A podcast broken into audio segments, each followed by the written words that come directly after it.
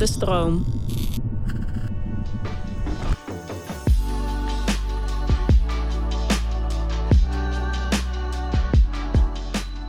Hallo allerliefste luisteraars en BookTok-fanaten. Ik had het een tijdje terug met mijn beste vriendin over boeken. En ze zei tegen mij dat ik echt de Love Hypothesis moest lezen. Ik had toen nog zoveel boeken om te lezen, maar op een gegeven moment dacht ik gewoon, waarom niet? Ik had het boek ook vet vol op TikTok voorbij zien komen, dus ik ben gewoon begonnen met lezen. En wow, ik ben zo blij dat ze het boek aanraden, want het was zo'n leuk boek. Het boek is geschreven door Ellie Hazelwood. Ellie Hazelwood is een Italiaanse neurowetenschapper en schrijver van romantische romans. Niet geheel toevallig zijn haar hoofdpersonen, net als zijzelf, ook altijd vrouwen die werken in de beta-wereld. Dus bijvoorbeeld een wetenschapper, scheikundige of onderzoeker. The Love Hypothesis was haar debuutroman. Het boek heeft 356 pagina's, maar je leest er heel makkelijk doorheen. Ik zou zeggen dat je het boek vanaf een jaar of 15 moet lezen. Er zitten namelijk best wel wat seksuele scènes in. Ondanks dat het boek zich afspeelt in de scheikunde- en biologiewereld, hoef je daar echt geen verstand van te hebben om alles goed te begrijpen. Soms zit er opmerkingen over scheikunde of bio in verwerkt, maar meestal zijn het kleine korte grapjes of opmerkingen. En ik ga nu niet liegen, ik ben zelf ook kei slecht in alle beta-vakken, dus ik snapte 99% van de opmerkingen die scheikunde-related waren ook niet.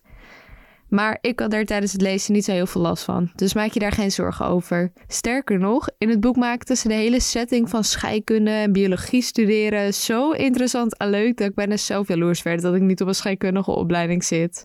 Het boek is geschreven vanuit een derde perspectief en vanuit de hoofdpersoon Olive. Je leest namelijk vooral vanaf bovenaf wat er gebeurt met Olive, maar sommige stukjes, en dit zijn bijvoorbeeld schuingedrukte stukjes, lees je precies wat Olive denkt en wat er door haar hoofd gaat. Zoals de momenten dat ze denkt dat ze niet goed genoeg is of de momenten dat ze heel blij is. Dit geeft een hele fijne afwisseling van het lezen. Je leest namelijk wat er allemaal gebeurt en alles wordt duidelijk omschreven, maar je leest ook wat ze allemaal denkt. Ook zitten er een paar appgesprekjes in, die ook altijd leuk zijn om tussendoor te lezen. En als je trouwens houdt van fanfictions lezen, moet je dit boek ook zeker niet overslaan. Dit boek is namelijk gebaseerd op een fanfiction van een gekkige relatie tussen Kylo Ren en Rey Skywalker van Star Wars. Moet je nagaan dat Star Wars eigenlijk een basis heeft gelegd voor dit boek. Ik heb dan echt van de eerste tot de laatste bladzijde genoten. Het was een ander soort boek dan ik normaal lees, want normaal grijp ik toch al snel naar een murder mystery of een thriller of zo. Maar deze liefdesroman is het lezen echt waard. Dus laten we maar snel de love hypothesis onder de microscoop leggen. Het boek volgt Olive Smith. Olive is op de Universiteit van Stanford bezig om haar PhD te halen. Dat is de hoogste academisch haalbare graad. Olive gelooft niet in een langdurige liefdevolle relaties, maar haar beste vriendin Anne wel. Dat heeft er ook voor gezorgd dat Olive nu in deze ingewikkelde situatie zit. Haar beste vriendin heeft namelijk een oogje op de ex van Olive, maar durft niks te doen omdat ze zich aan de girlcode wil houden en denkt dat Olive ook nog niet helemaal over de ex heen is. Olive gunt Anne al het geluk van de wereld en vertelt haar om er gewoon voor te gaan. Maar Anne gaat hier fel tegenin. Dus om Anne te overtuigen vertelt Olive haar dat ze aan het daten is. Anne geloofde dit niet.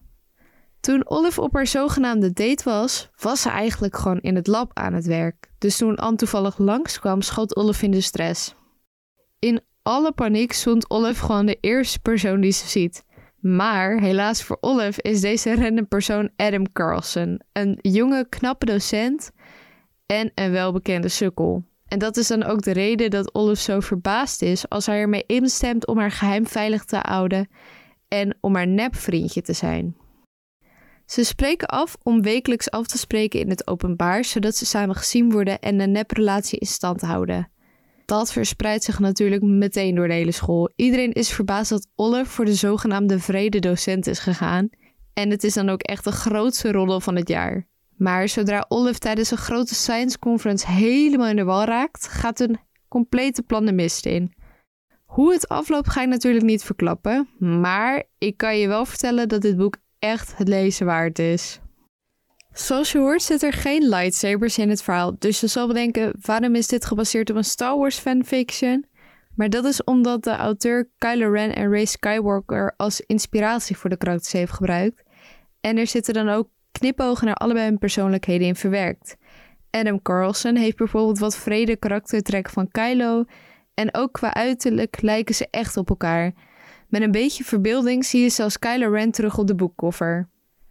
Met al deze informatie is het nu vooral tijd om de Love Hypothesis zelf maar te gaan lezen. Vergeet ook zeker niet om een kijkje te nemen op mijn TikTok Leest Wel. Daar heb ik natuurlijk TikToks geplaatst over dit boek, maar ook over vele andere boeken.